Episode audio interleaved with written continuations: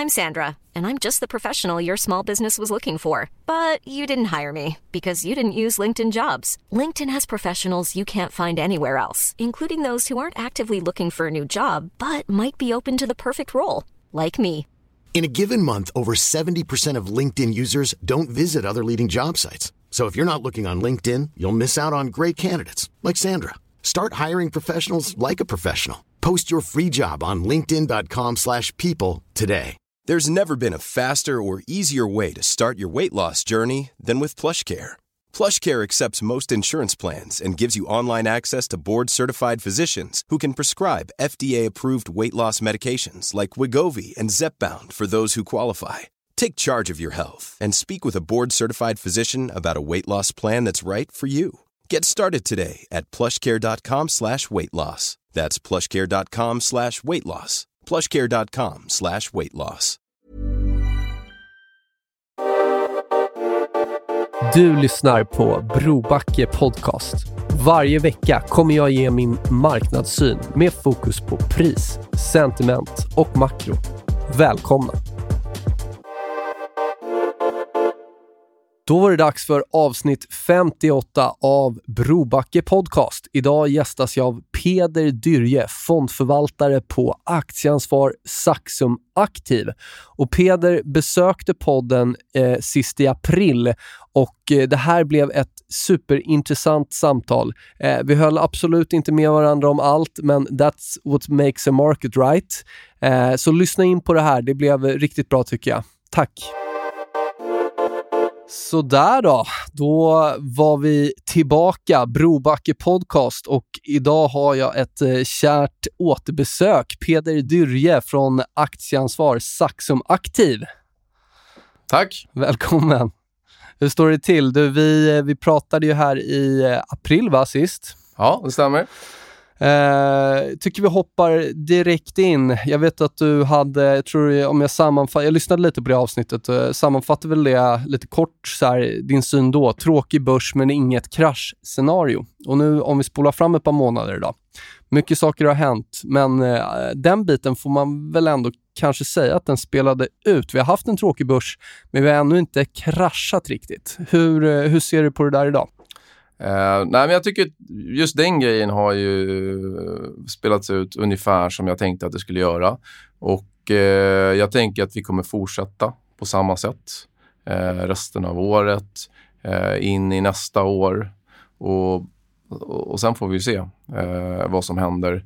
Men jag, just nu har jag svårt att se att vi ska få någon botten på börsen innan vi har gått in i lågkonjunktur i USA. Eh, vilket jag tror kommer att ske ja, tidigast runt årsskiftet. Så aktier är fortfarande i negativ trend med andra ord? Ja, man ska inte dra alla aktier över en kam. Men, eh, och, och kollar man på värdeaktier hittills i år och speciellt om man tar liksom globala värdeaktier i, i SEK så, så har de fortfarande gått ganska bra. Eh, jag har några kvalitetsaktier, de har också gått bra. Så att det, mm, men klart, blir det lågkonjunktur då faller ju allt. Om vi hoppar över på räntor då. Eh, även om aktier har haft en dålig start så har faktiskt bonds haft en ännu sämre start. Det här är den sämsta perioden någonsin. Jag tror jag sa för något avsnitt här på 50 år, men det stämmer inte. Jag tror faktiskt det är någonsin för en, för en eh, 60-40-portfölj. Eh, räntor har egentligen, det har inte gjort en ny topp sen i somras, men den har ändå liksom fortsatt upp sen vi pratades. Jag tror eurobonden är ner 8 Jag tror tioåringarna i USA är ner 5 eh, du hade väl en vid att räntan borde börja toppa snart. Eh, så att, men den, den, den, har kommit upp lite mer. Eh, vad, hur ser du på, för jag vet det är väl fortfarande en ganska stor, stort innehav i, i din fond. Hur ser du på långa bonds just nu? Alltså, långa amerikanska statsobligationer är en kärntillgång kan man säga. Eh, det ska mycket till för att vi inte ska ha några i portföljen i och med att de eh, i de flesta marknadsklimat eh, kompletterar aktier väldigt väl. Nu har vi haft en inflationsperiod och det definierar vi som inflation över 2% och accelererande. Eh, och då går bonds inte bra heller, utan då faller de tillsammans eh, och det är helt i linje med hur det har varit historiskt. Eh, vi ser också att liksom, det är svårt att hitta egentligen någonting som stiger i en sån här miljö. Utan det är vissa typer av råvaror som, som kan göra det. Men, men annars så, så är, är, det, är det väldigt svårt att gömma sig någonstans. Och jag tror att eh, när vi pratar liksom räntor så är det ju långräntor vi pratar om här och, och, jag tror att de är ganska nära att toppa. Men som du sa, det sa jag i april också. eh, det är alltid svårt att, att, att veta sådär. Men du har, eh, du har en avkastningskurva som i princip över hela linjen nu är inverterad. Eh, vi väntar bara på den här sista tre månaders eh, mot tioåringen och den kommer väl invertera när som helst här när, när Fed höjer nästa gång. Och, eh, så det signalerar en lågkonjunktur det kommande året. Eh, sen är vi inne i en ganska unik eh, period med tanke på hur snabbt det har gått. Och jag tror inte att någon inte är chockad över liksom, eh, den här farten vi har rört oss framåt. Och det gör ju att vissa så historiska mönster måste man kanske tänka sig att även fram, framåt att det kan gå snabbare eh, än, än liksom något historiskt snitt. Och Ehm, så att om du sa, du sa att det är sämsta starten för uh, långa obligationer någonsin.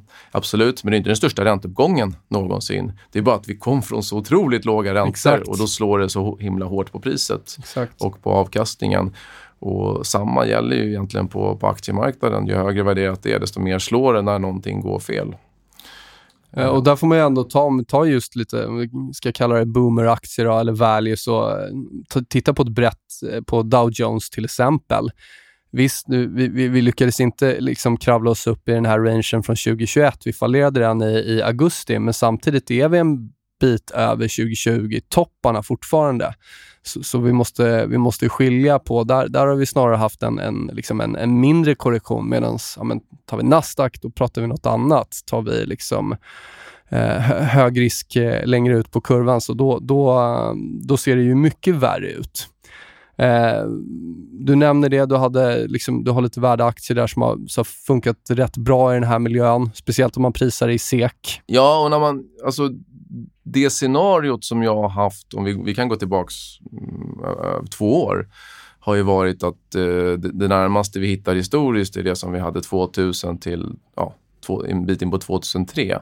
Eh, och då föll ju aktier i över ett år innan det blev lågkonjunktur. Lågkonjunkturen var väldigt mild. Eh, det är knappt så att den räknas. Och eh, vi hade 9-11 där som stökade till lite.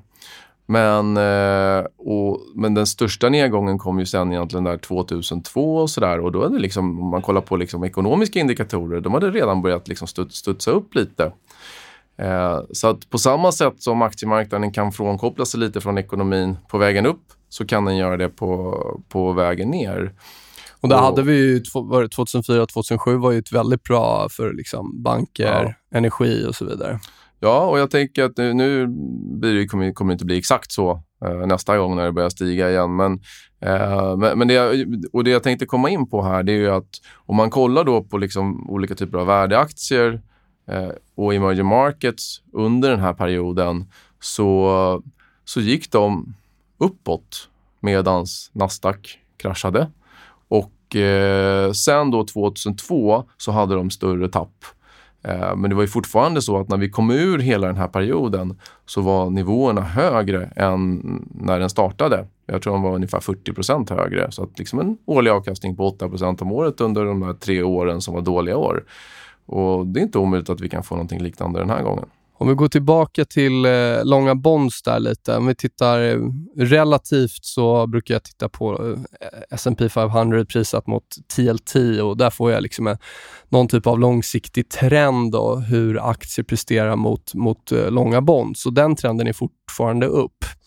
Eh, men ska vi börja på, kolla, på, kolla på sentiment eh, så är ju egentligen både aktier och bonds är ju, det är väldigt negativt. Men i positioneringen så skiljer det sig. Eh, retail är fortfarande långa aktier och, och, och, det är så att säga, ska vi få en långsiktig botten i, i aktier så skulle vi vilja att den, den positioneringen går ner. Eh, det har varit en, en, en diskrepans mellan sentimentet och eh, positioneringen här egentligen sedan covid. Tar vi däremot bonds, eh, då är både sentimentet jättenegativt och positioneringen är extremt låg, både bland retail och institutioner efter den här stora smällen. Är vi, det skulle ju liksom tala för att vi snarare har sett en kapitulation i Bond så att det där borde kunna börja bottna snart. Och framförallt att den där relationen eh, S&P mot då långa bonds, att den borde vända ner den trenden. Om jag, om jag har förstått rätt så är det fortfarande inflöde in i liksom aktiefonder och aktie-ETFer. Eh, och det tyder ju på att vi är ganska långt ifrån någon form av kapitulation. Det kan vi, ha, vi kan ha sett kapitulation i vissa kanske liksom techrelaterade eh, ETFer eller någonting som är ner med 80-90 procent. Eh, men liksom inte i, i någon form av bred marknad. Och den där trenden, den, trenden mellan aktier eller kvoten mm. av aktier och, och, obligationer, den ska ju stiga över tid för aktier ska ge en avkastning som är någonstans 3-4% högre än långa obligationer. Men om man tittar på en sån graf under eh, nu bara under senare år så har ju den eh, liksom fullständigt exploderat uppåt och den trenden är ju inte långsiktigt uthållig. Eh, men det som krävs för att den, liksom, den ska komma tillbaka till liksom, mer till trend Eh, det är ju att obligationer börjar att gå mycket bättre än aktier. Yes. Och det ser vi inte, tror jag, förrän, förrän man verkligen börjar gå från att oroa sig från högaktiga centralbanker till en dålig ekonomi och fallande vinster för, för, för bolagen. Eh, och ja, men, men, och då, där, vi, vi närmar oss det. Ja, och där, där, då för vi oss osökt in på, på nästa graf här. Jag gillar ju att titta på tips över IEFs, alltså inflationsskyddade bonds mot 7 och 10 Treasury bonds. Förra veckan på tisdagen, eh, och jag tror vi släppte mitt förra avsnitt precis innan det beskedet, så fick vi en väldigt stor sell-off på eh, inflationssiffran som kom ut. Eh, det var, tror jag, bland de största eh, nedgångarna jag sett på en sån siffra faktiskt.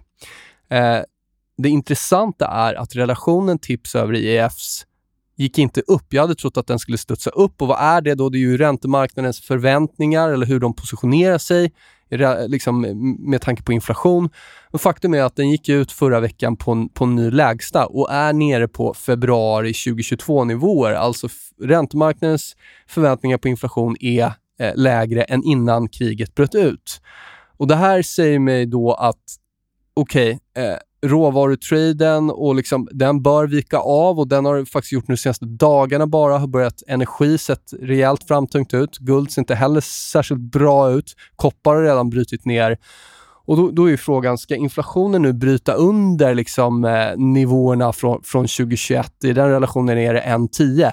Är det ett recessionsscenario då? Är det det som räntemarknaden prisar in nu? För vi läser om inflation, vi hör om det hela tiden. Men faktum är att räntemarknadens eh, förväntningar på inflation toppade i maj. Liksom, hur ska vi tolka det här? Räntemarknaden gör en sak. Eh, aktiemarknaden säljer av hårt vid den här inflationssiffran. Eh, samtidigt börjar råvaror vika över nu. Är, är, det, är det recessionsscenariot? Är det 2008 som vi, vi, vi börjar se? Ja, det är må många saker att, att, kommentera här. Men om vi börjar med eh, inför den där siffran så kändes det som att marknaden, speciellt aktiemarknaden, eh, hade, hade, ju, hade ju några ganska bra dagar och tog ut segern i förskott. Eh, och sen blev det inte riktigt som man hade tänkt sig och, eh, och då blev det helt plötsligt oro för, för ännu större eller fler räntehöjningar från, från Fed. Ehm, men om man tar obligationsmarknaden, och jag tänkte vi kanske ska förtydliga lite här att när den prisar in inflation, dels kan man säga så här, tipsen, alltså de instrumenten, de är mindre likvida än, än de vanliga nominella instrumenten. Och eh, det är dessutom så att de ska ju prisa in en snittinflation över 5 eller 10 eller, eller 30 år beroende på vad, vad det är för löptid. Och eh, eh och om man tittar på inflationen historiskt sett när vi fått hög inflation så, så, så är det, det är spikes. Eh, det vet jag att du nämnde redan förra avsnittet. Ja, men de går upp, det, går upp till 10% och sen så är ett år senare ska man inte vara förvånad ifall den är noll.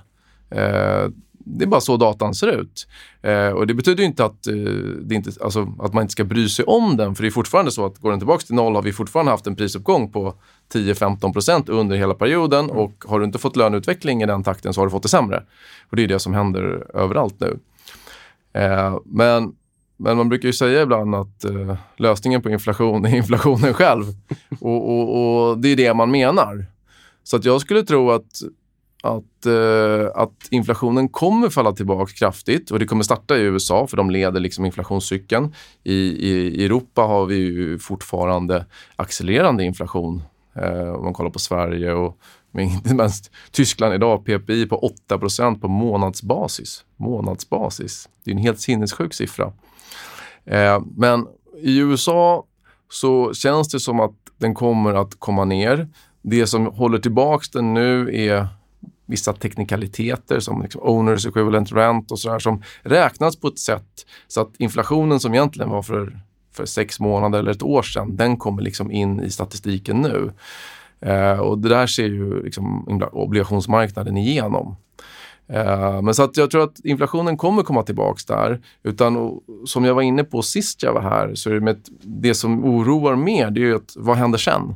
Så att efter den har kommit tillbaka, är vi inne i en period med strukturellt högre inflation eh, och då kan det ju räcka med att eh, istället för att ha under 2% inflation under den här tioårsperioden så kommer vi ha 3,5.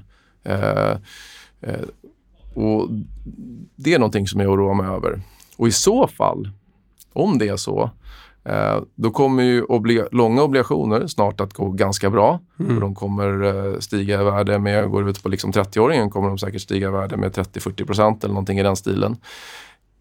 Men om vi ska vara inne i en period med strukturell inflation, ja då är det en, ett, ett tillfälle att gå ur. Att inte vara där längre. Mm. Eh, och det är någonting som jag funderar ganska mycket på. How would you like to look five years younger? In a clinical study, people that had volume added with Juvederm Voluma XC in the cheeks perceived themselves as looking five years younger at six months after treatment. Look younger, feel like you. Add volume for lift and contour in the cheeks with Juvederm Voluma XC. Reverse signs of aging by adding volume to smooth laugh lines with Juvederm Volure XC. For important safety information and to find a licensed specialist, visit juvederm.com. That's J U V E D E R M.com. Not for people with severe allergic reactions, allergies to lidocaine, or the proteins used in Juvederm. Common side effects include injection site redness, swelling, pain, tenderness, firmness, lumps, bumps, bruising, discoloration, or itching. There's a risk of unintentional injection into a blood vessel, which can cause vision abnormalities, blindness, stroke, temporary scabs, or scarring. Talk to a licensed specialist to find out if it's right for you. Hiring for your small business? If you're not looking for professionals on LinkedIn, you're looking in the wrong place. That's like looking for your car keys in a fish tank. LinkedIn helps you hire professionals you can't find anywhere else, even those who aren't actively searching for a new job but might be open to the perfect role. In a given month, over 70% of LinkedIn users don't even visit other leading job sites. So start looking in the right place. With LinkedIn, you can hire professionals like a professional. Post your free job on linkedin.com slash people today. Om vi pratar lite om konsumenten. Vi, vi, vi, får ju höra att konsumenten mår väldigt dåligt och så vidare. Samtidigt när jag tittar på eh, consumer discretionary-sektorn, både på relativ basis, prissatt mot eh, S&P 500, SPY, eh, och även på absolut basis, så ser det faktiskt tekniskt ut som att vi gör, eh, eller det, det inte ser ut som, utan det, det är ett faktum. Vi gör högre bottnar sen, sen botten i somras. Eh, hur ser du på det? Jag, jag tycker alltid att det, den, den datan för mig blir ju viktigare än, än liksom eh, vad, vad som sägs. Eh, och Vi kan säga då, historiskt när consumer discretionary outperformar breda marknaden S&P så är det inte negativt generellt för aktier, utan snarare så att det, det, det är klimat av positivt eh, för aktier. Ja, den där, eh, för mig är det där mer en, en studs. Det är, det är inte så att trenden är stigande Eh, om man kollar på consumer discretionary eh, jämfört med marknaden. Eh, hur uthållig den är, det, det får vi se. Eh, jag tror att den kommer att, så småningom att, vända ner igen och eh, inte vara en, en tvetydig signal. det som, det som talar för, eller det som kan förklara varför vi är var vi är, eh, det är ju att eh, amerikanska hushåll fortfarande har haft besparingar från stimulansprogrammen under 2020 och 2021. Eh, och då har man liksom kunnat parera den här initiala uppgången i, i priserna och, och fortsatt att konsumera. Men samtidigt, kolla på retail sales i nominella termer ser det jättefint ut och stiger. I reala termer så är ju, alltså, volymerna är ju ner. Så ser det ut i England, alltså ser ut, så ser det ut överallt. Eh, och så att det vi väntar på här är ju att även det ska se sämre ut i, i nominella termer i, i, den typen av statistik. Men än så länge helt okej, okay, i alla fall jämfört med annat. Vi har varit inne lite på det här. Europa är ju ändå mer så här, baktungt. Eh, om, om, om S&P liksom USA snarare gjort en liksom, högre botten så är ju både OMX och DAX liksom ganska nära sina tidigare bottnar. Då. Eh, och det börjar ju bli så här, jag är ju av den åsikten att liksom, ju fler gånger du testar ett stöd, eh, liksom, och du studsar och så kommer det ner igen. Desto större är risken att... Att det bryts. Mm. Det, det, det, är liksom, det, det, det, är matematik någonstans och till slut tar det, tar det slut på köpare. Eh, sen, sen får vi ändå ge det benefit of a doubt. Vi har inte etablerat oss riktigt under de här bottnarna ännu, men det, det ser klart mer baktungt ut. Det, det, såg ju ut redan igår som att OMX skulle bryta ner. Vi handlade ju under. Sen ja. så räddades vi på, på eftermiddagen. Ja, nu är det under igen, 1866. Så att, men det, det är någonstans, vi har gjort den här vi har gjort den här fulingen tror jag, två gånger tidigare i år. Men, men, men någonstans, Europa är betydligt längre ner och är närmare bottnarna. Eh, och, och, jag vet att du, jag tror du sa sist i podden att liksom, nej, men Europa är, är liksom på väg in i recession. Eh, ser vi nå, ser, har du ändrat uppfattning där eller så, är det något vi kan tillägga, något som är intressant att prata om gällande Europa? Eh, om man tänker så här att Europa eh, Tyskland var väl de som kändes som framförallt att de var liksom på väg in i lågkonjunktur och, och jag menar de eh, sit, energisituationen där gör ju att bara den eh, leder ju till en lågkonjunktur. Eh, södra Europa har väl sett lite eh, har lagat lite. Det där. Nej, men det, alltså jag tror Europa går in i lågkonjunktur. De går in före USA och vi är nog redan där. Eh, Sverige känns som att vi ligger eh, och pendlar någonstans mittemellan. Men jag menar nu till och med Konjunkturinstitutet tror att vi ska ha lågkonjunktur. Regeringen prognos var att vi ska ha lågkonjunktur. Det är sällan regeringen eh, erkänner något sånt förrän långt efteråt. Um, så det, det, gick snabbt? Ja, det gick väldigt snabbt. Och, och jag, jag, har ingenting, egentligen någon annan uppfattning där. Sen så är det ju alltid frågan hur mycket av det prisas in i marknaden. Exakt. Och eh, där, men där har ju liksom, det har inte börjat slå mot vinsterna än. Nej. Eh, utan det, det, kommer väl här eh, mot slutet på året. Sen så kommer ju svenska företag, vi kommer få hjälp av en svagare, svagare krona. Eh, de jämförelsetalen kommer ju vara positiva eh, ett tag framöver. Eh, men ehm, nej, jag, jag är egentligen, Europa ser ut egentligen som, som förut. Då kan man ju alltid hoppas att det händer någonting positivt med, med Ukraina. Men, men om man tänker så här, vad, säg att det blir fred imorgon. Mm. Du får ett, pos ett positivt scenario i Ukraina. Man lättar sanktioner mot Ryssland, ja. de skruvar på gasen vi får en, en, en, bättre utfall på energi. Eh... Ja, fast nu, går det, nu är vi kanske lite händelserna i förväg här. Nej, det är inget troligt. Sanktioner och det, det är inget troligt scenario. Men nej. Eh, någonstans människor, Någon... alltså även politiker, alltså någonstans är när det börjar handla om sig själv så då, då slutar liksom man bry sig kanske om andra och det blir till sist och syvende en själv och en egen familj och ens eget folk och politiker vill bli återvalda och så vidare. Ja, absolut, liksom. men det jag tänker här är att även om vi skulle få, få slut på kriget så känns det ju som att, att lyfta sanktionerna och återuppta handeln med Ryssland, då krävs det ju någonting mer än så och det känns väldigt osannolikt nu. Det gör ju att även om vi skulle få, få någon form av fred imorgon så har jag svårt att se att det skulle leda till något mer än, än en liksom kortsiktig studs eh, i risktill, risktillgångar. Utan oron här är ju eh, för hårda åtstramningar från centralbankerna som ju sker samtidigt som ekonomin ser svagare och svagare ut. Och vi har inte den här fiskala hjälpen som, som vi har vant oss vid. Utan eh, budgetunderskottet är mycket mindre och liksom kombinationen där gör ju att eh, alltså vi, vi, tog, vi, det gjordes ju för mycket under pandemin. Och, och nu får vi ge tillbaka det. det. det. är inte så komplicerat tycker jag. Nej, men eh, om vi... Det, det, Däremot, absolut, vi, vi, kan, vi kan resonera kring det, men samtidigt är det liksom... Även de som har varit negativa i år har haft svårt att skapa avkastning. Det, det, det, det har ju heller inte varit liksom en, en tydlig trade, säger det. Det är många re historiska relationer som har fallerat och så vidare. Så att, eh, Men även... jag, tror, jag tror du nämnde sist också, du var förvånad att kriget bröt ut. Det, är många, det, är många saker som har förvånat många. Liksom. Ja, och nu ska jag säga att uh, kriget i Ukraina är ju ingenting som jag på något sätt var positionerad för eller emot på något i portföljen. Det, det, det är vad det är. Men, eh, men det här året, om du kollar hittills, du kan ju kolla på eh, utgångspunkten för en fond som Saxum Aktiv är ju någon form av allvädersportfölj. Mm.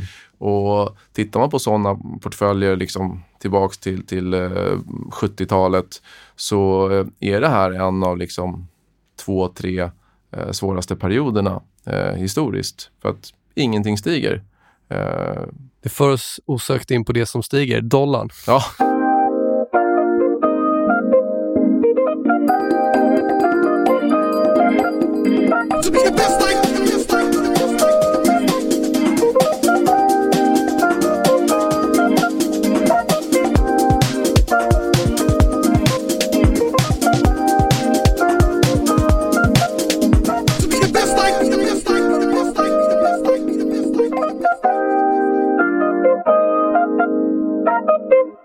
Jag tror en, en leverage long dollar i år har ju i princip varit eh, det bästa man kan ha.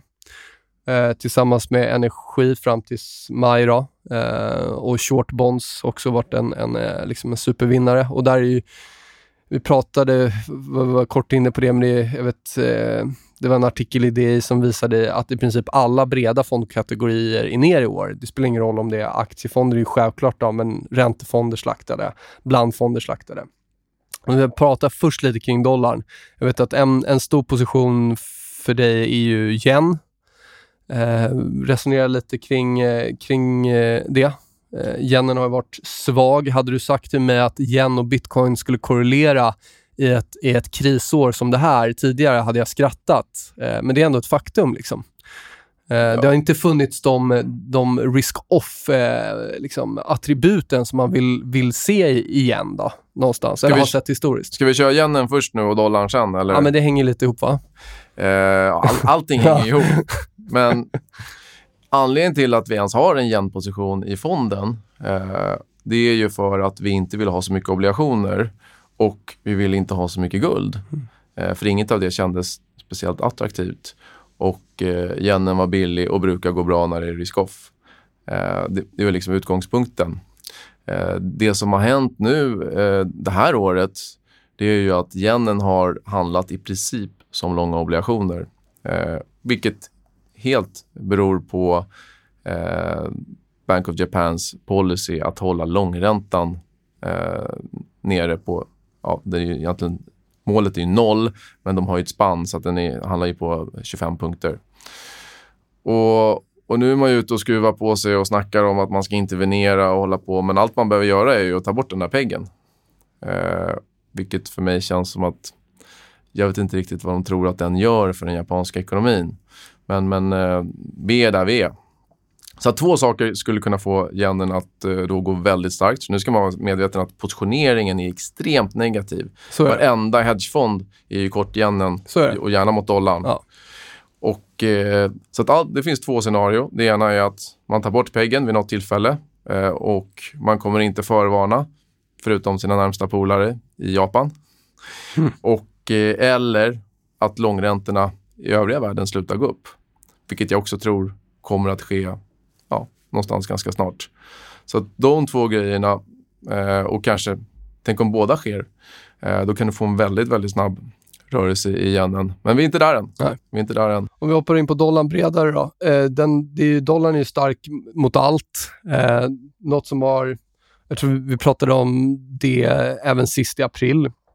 Jag har varit flera gånger. Jag, har varit, jag försökte korta dollarn här ett tag i våras. Det blev inget bra. Jag med. Eh, efter det så lämnade jag hela valutarisken öppen, så jag har haft mycket av min amer amerikanska ETF-exponering eh, öppen dollarrisk. Eh, och, och, och, det blir så. Det är ju, det är någonstans en, liksom, viktiga nivåer och, och, och liksom man, man ser om något är, ser ut som en bra kortning. Om det fallerar, då blir det på samma sätt flip the book. Det kan ju vara rätt svårt mentalt, men för mig det, kan det bli väldigt bra trades också. Då. Och, och dollarn har faktiskt varit liksom både att titta på för att definiera när, när man ska minska aktieexponeringen. Jag gjorde det senast här i, i 18 augusti och då började dollarn vända upp igen redan efter augusti. Men även som, som, som ren trade så har dollarn verkligen varit en, en, eh, en, en brutalt stark trend i år. Liksom. Vi kan ta det mot pundet, vi kan ta det mot euron, är väl lite mer sidled nu här på slutet. SEK väldigt svag. Eh, det var ner och testade de där 2020, 2020 bottnarna, eh, men, men vände rakt upp sen efter det. Eh, några kommentarer på dollarn och, och hur, hur, ser du nu? Hur, har det, hur är din exponering nu och sådär? Hur tänker du? Jag ska börja med att förtydliga att jag, när jag sa att jag också har provat att korta dollarn så Eh, så det jag har gjort är att jag hedgat en exponering som jag redan har. Eh, normalt för, för Saxum är att, man, att det, det finns en, en dollarexponering på mellan 40 och 50 procent. Och den har ju mestadels legat ohedgad historiskt för att jag har varit positiv på dollarn. och sist jag var här så pratade jag om att läget att ändra den vy var ju när, när Riksbanken vaknade upp. Och kort därefter, som jag var där, så, så vaknade de ju faktiskt upp eh, och började höja. Och då var jag inne och testade och hedga eh, under flera, flera månader. Första gången tror jag någonstans 9,50 eller något sånt där. Eh, och det blev ju, det blev ju inget bra, det var alldeles för tidigt. Och eh, sen, eh, sen har jag nu under senaste månader från det, ja, från 10 någonstans eh, igen haft exponeringen. Och det är en av de grejerna som har gjort att fonden har klarat sig bättre på slutet. Och mitt huvudscenario nu för dollarn är väl att den ska... Den, eh, den är inne i en stark trend just nu. Svårt att se att den skulle bryta ner eh, närmaste veckan. Liksom. Men, eh, men att det kanske den, ab den absoluta toppen skulle kunna ske någon gång in i, i nästa år. Eh, och då kanske i samband med något lite större risk-off-event eh, allt eftersom konjunkturen försämras. Men igen, om vi går tillbaka till perioden 2000 till 2003. Dollarn gick upp, gick väldigt starkt. Eh, och sen eh, tror jag att den, jag kommer inte ihåg om den toppade 2001 tror jag. Men, men under 2000 till 2002 så gick den egentligen sidledes på höga nivåer för att sen eh, verkligen falla hårt. Och då föll den ju samtidigt som aktiemarknaden gick ner. Så att dollarn, det är ingen garanti att dollarn ska gå upp eh, när aktier faller. Eh, och, och, och, det är ju någonting som är värt att ha i åtanke och någonting som oroar. Eh, jag vill helst inte med fonden komma in i ett läge där man förlorar både på dollarexponering och på aktieexponering samtidigt. Så att jag, mm, jag, är, jag, är, på, jag är på, säger man, jag är på spänn. Och eh, jag är lite mer aktiv med den här positionen. Jag kommer troligtvis att hedga den snart igen. Eh, och, och, och, och, försöka För det, det, det vara ju, lite mer aktiv där. Det, det var ju innan sell-offen här i förra tisdagen så var ju eurodollar på väg att bryta hela den negativa trenden från i år. Mm. Så det var ju verkligen på, på linjen. Och ja. återigen där, när den då inte klarar det så blir det liksom tillsammans med det här risk-off i aktier så blir, blir det rakt ner. Där tycker jag ändå just eurodollar så cirkulerar vi, eller vi, det är rätt många, sen den rörelsen så har vi faktiskt bara gått rakt sidled på... Ja. Det är väl en eh, liksom fyra, nu, fem... Nu tittar vi på diagram här. Ja, det är väl fyra, fem dagar rakt i sidled där med lite svansar på nedsidan. Men det är inte mycket som ska till för att vi ska bryta den där negativa trenden från början av året. Och eh, för mig är det, jag har ingen aning om när dollarn vänder ner, men när den gör det, det är, ett, det är en trigger för, för risktillgångar för mig. Eh, det är bara att titta hur de, de gångerna när dollarn har börjat komma ner hur snabbt aktier har gått upp på det. Man har kunnat vara, vara short och bearish. Fast inte för 20 år sedan. Inte för Och- 20 och år grejen är sedan, här, men, men, tänker- men korrelationen nu för mig är betydligt viktigare än vad som hände för 20 år sedan. Jo, men jag tänker att om du, du må, man måste ändå tänka så här fundamentalt. Vad, vad ska hända för att dollarn ska vända ner? Okej, a- allting kan bli honky-dory. Det är ett scenario. Eh, in, inte så troligt just nu. Utan, men den andra grejen är ju att Fed kommer till, till slut till, till vägens ände med räntehöjningarna. Och Fed är ju de som har varit mest aggressiva. Det är de som har lett cykeln. Eh, så att det, då kommer vi komma in i ett scenario, troligtvis, när Fed inte höjer längre eh, och, och marknaden börjar prisa in sänkningar medan andra centralbanker kanske fortfarande eh, är i höjningsfasen. Och då kommer, man ju, då kommer vi liksom ha ett lågkonjunkturscenario i USA. Vi kommer ha en dålig ekonomi eh, även i Europa, troligtvis. Men du har inte räntedifferensen som, som längre fungerar till dollarns fördel. Och Det är då du kan få det här scenariot som jag var inne på, att dollarn faller samtidigt som aktier inte heller går bra. Så att jag var lite försiktig med att liksom Jag, jag, jag, hänga upp sig på det. Jag, jag kan inte fundamentalt eh, förklara det så snyggt som du gör, men är det någonting jag vågar lägga väldigt mycket bett på, det är att om dollarn vänder ner på riktigt härifrån, då kommer risktillgångar att gå ordentligt på det. Den spiken, vi hade S&P upp nästan 20% från i somras med att bara dollarn började lätta av. Och så fort dollarn började bli stark igen, eh, 11-12 augusti där, då fick du ett par dagar på dig och sen så körde de ner aktien igen. Så att, eh, vi kan prata om korrelationer för 20 år sedan. Ja, men fast, jag fast vi skulle- vet jag- ju inte. Vi jag vet skulle ta inte. korrelationen i år. Det har varit den starkaste korrelationen egentligen, dollar upp och risktillgångar ner. Ja, men här antar du att S&P gick upp för att dollarn gick ner. Eh, men det kanske var dollarn som gick ner för att S&P gick upp. Kanske, vet inte. men, eh, men eh, den ledde ändå dollarn. Eh, alltså, även om när någonting trendar någonstans så har du ju motreaktioner. Och motreaktionerna är ju oftast väldigt snabba och kraftiga. Eh, och för mig var det lite det som, som vi såg. Eh, men eh, på samma sätt som eh, yenen inte har varit risk-off och har korrelerat med liksom, eh, risk-on-tillgångar Och, och det, det är ju ett jättebra år, exempel. eh, så kan ju dollarn helt plötsligt gå- och göra det. Alltså det, det. Saker Men- och ting förändras. Så är det, men, och, det- men det där är en jättebra poäng. Yen har inte varit en risk-off-valuta eh, i år som det historiskt har varit, men, den, men dollarkorrelationen har funkat extremt bra i år och jag kommer tills dess att det ändras så är det bettet jag kommer fortsätta att göra. Så på samma sätt som att om dollarn är stark och risktillgångar ner, då kommer, eh, för mig är det troligaste scenariot att om då dollarn vänder ner så kommer risktillgångar gå på det. Guld kommer gå på det. Krypto kommer gå på det. Aktier kommer gå på det. Sen när det händer, eh, det, det får vi se. Det kan vara imorgon och det kan vara i slutet av året. Och eh, det, för, för mig är ändå korrelation är viktigast, det som har hänt i närtid. Eh, Sen kan man också tänka att eh, alltså de, flesta, de flesta vanliga valutapar, de trendar ju ingenstans. Kronan trendar svagt ner över tid. För det, det är en dålig valuta. Men, men för det mesta, så, så, de, de går ju ingenstans. Utan de har långa perioder när de går upp och sen har långa perioder när de går ner och så liksom cirkulerar de kring, något sorts eh, långsiktigt fair value. Och, och om man då förvaltar en, en, någon form av multi-asset-portfölj, som jag gör, det gör vi och, båda. Och, och man har eh, en eh, man har valutaexponering.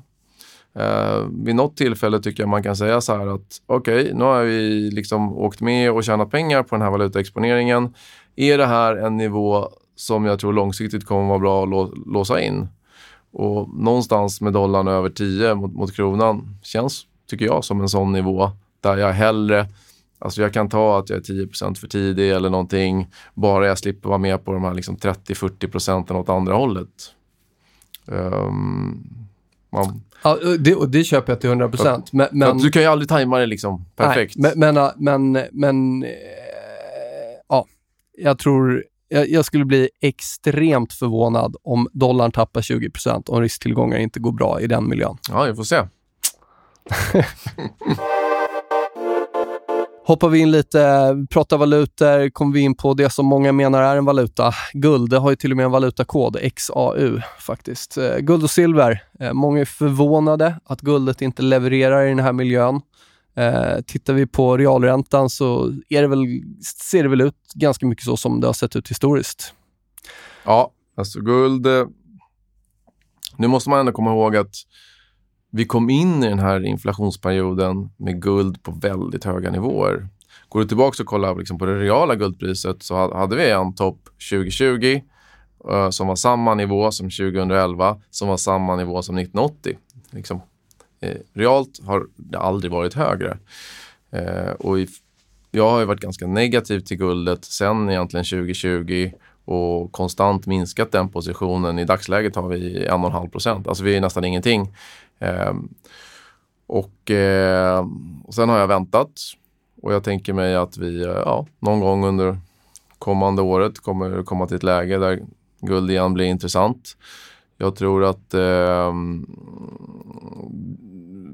anledningen till att jag inte redan äger mer guld är för att jag tror att statsobligationer kommer att gå bättre när vi väl eh, når eh, ett läge där liksom, eh, inflationen toppar, eh, centralbankerna slutar höja och, och, och räntorna kommer ner. För Det kan ju också gynna guldet. Men eh, än så länge är vi, är vi inte riktigt där. Och det är ju liksom, om man kollar historiskt så det är väldigt svårt att hitta någon form av korrelation mellan guld och inflationstakten.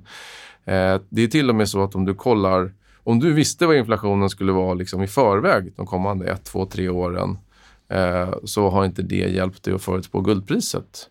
Utan guld är en bra inflationshedge över en livstid. Och, eh, och det är liksom inte så mycket mer med det.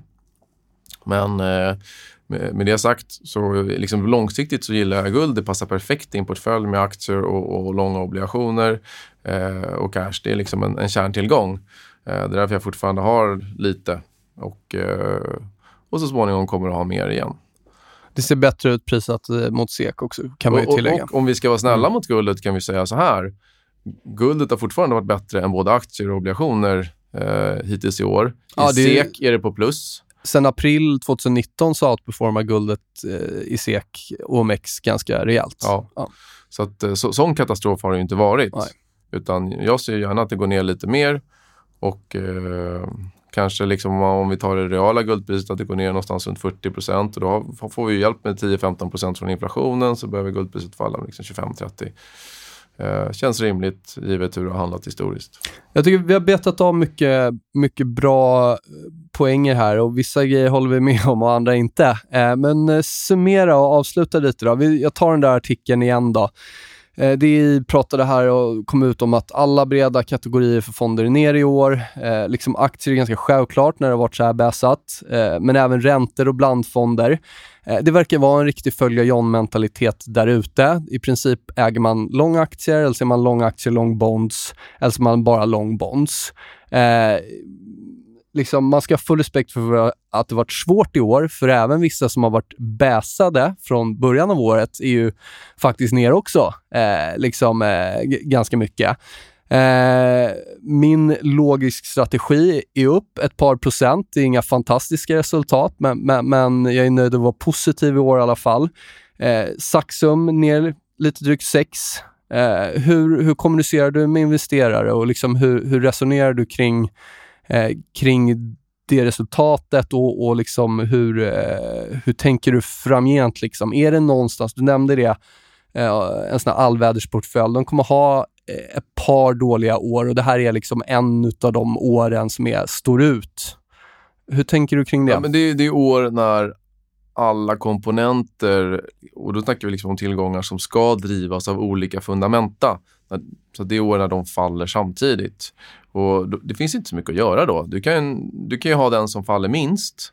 Eh, men det är väldigt svårt att vara på plus. I SEK så kan man ju vara på plus om man bara hade valt det allra, allra bästa eh, och varit ohedgad dollarn exempelvis. Eh, men det är ju någonting som du sen får ge tillbaka lite senare då när, eh, när, när de eh, rörelserna reverseras.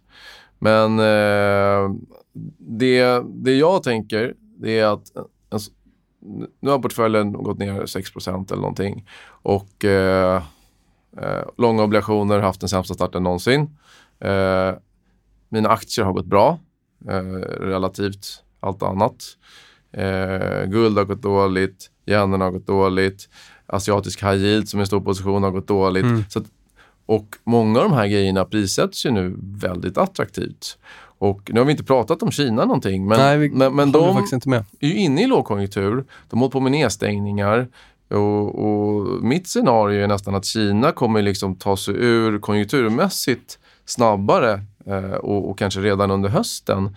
Och, och, och deras tillgångspriser som liksom har underlevererat i eh, framförallt under senare år men även årtionden eh, skulle då kunna ha en ganska bra, bra period.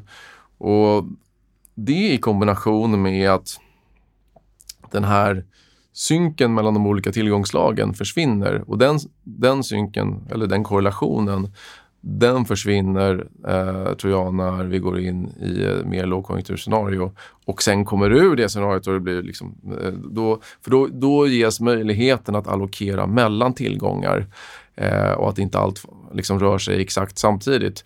Och går man tillbaka och kollar på i en sån här portfölj så är det så att någonstans 1 av avkastningen kommer ju av att man bara allokerar eh, och då, om man följer en slavisk eh, allokeringsstrategi som man bara i varje månad eller varje kvartal eh, mellan tillgångar. Så man säljer det som har gått upp lite och så köper man det som har gått ner lite. Och det har gett sådär 1% om året. Och kan man då överallokera eller tajma det lite bättre bara, ja, då kan du förvänta dig högre avkastning från det där. Så jag, tror, jag tycker att det känns ganska bra eh, om man tittar framåt. Härligt att höra. Ja, Du Peder, alltid optimist. ja det är bra, det ska man vara. Det är, är man jämt bäsare, de, det blir inget roligt liv. Nej. Du, är alltid kul att prata med dig. Kul att du kom hit och jag är säker på att vi kommer få möjlighet att, att snacka igen. Ja, absolut. Tack. Tack för idag.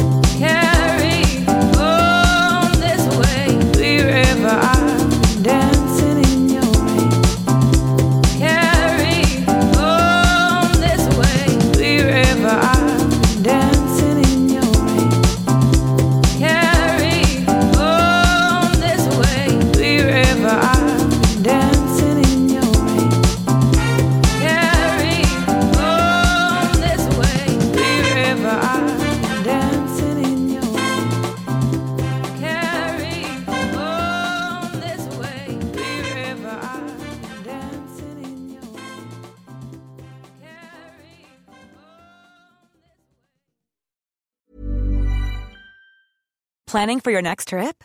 Elevate your travel style with Quince. Quince has all the jet setting essentials you'll want for your next getaway, like European linen, premium luggage options, buttery soft Italian leather bags, and so much more. And is all priced at 50 to 80% less than similar brands.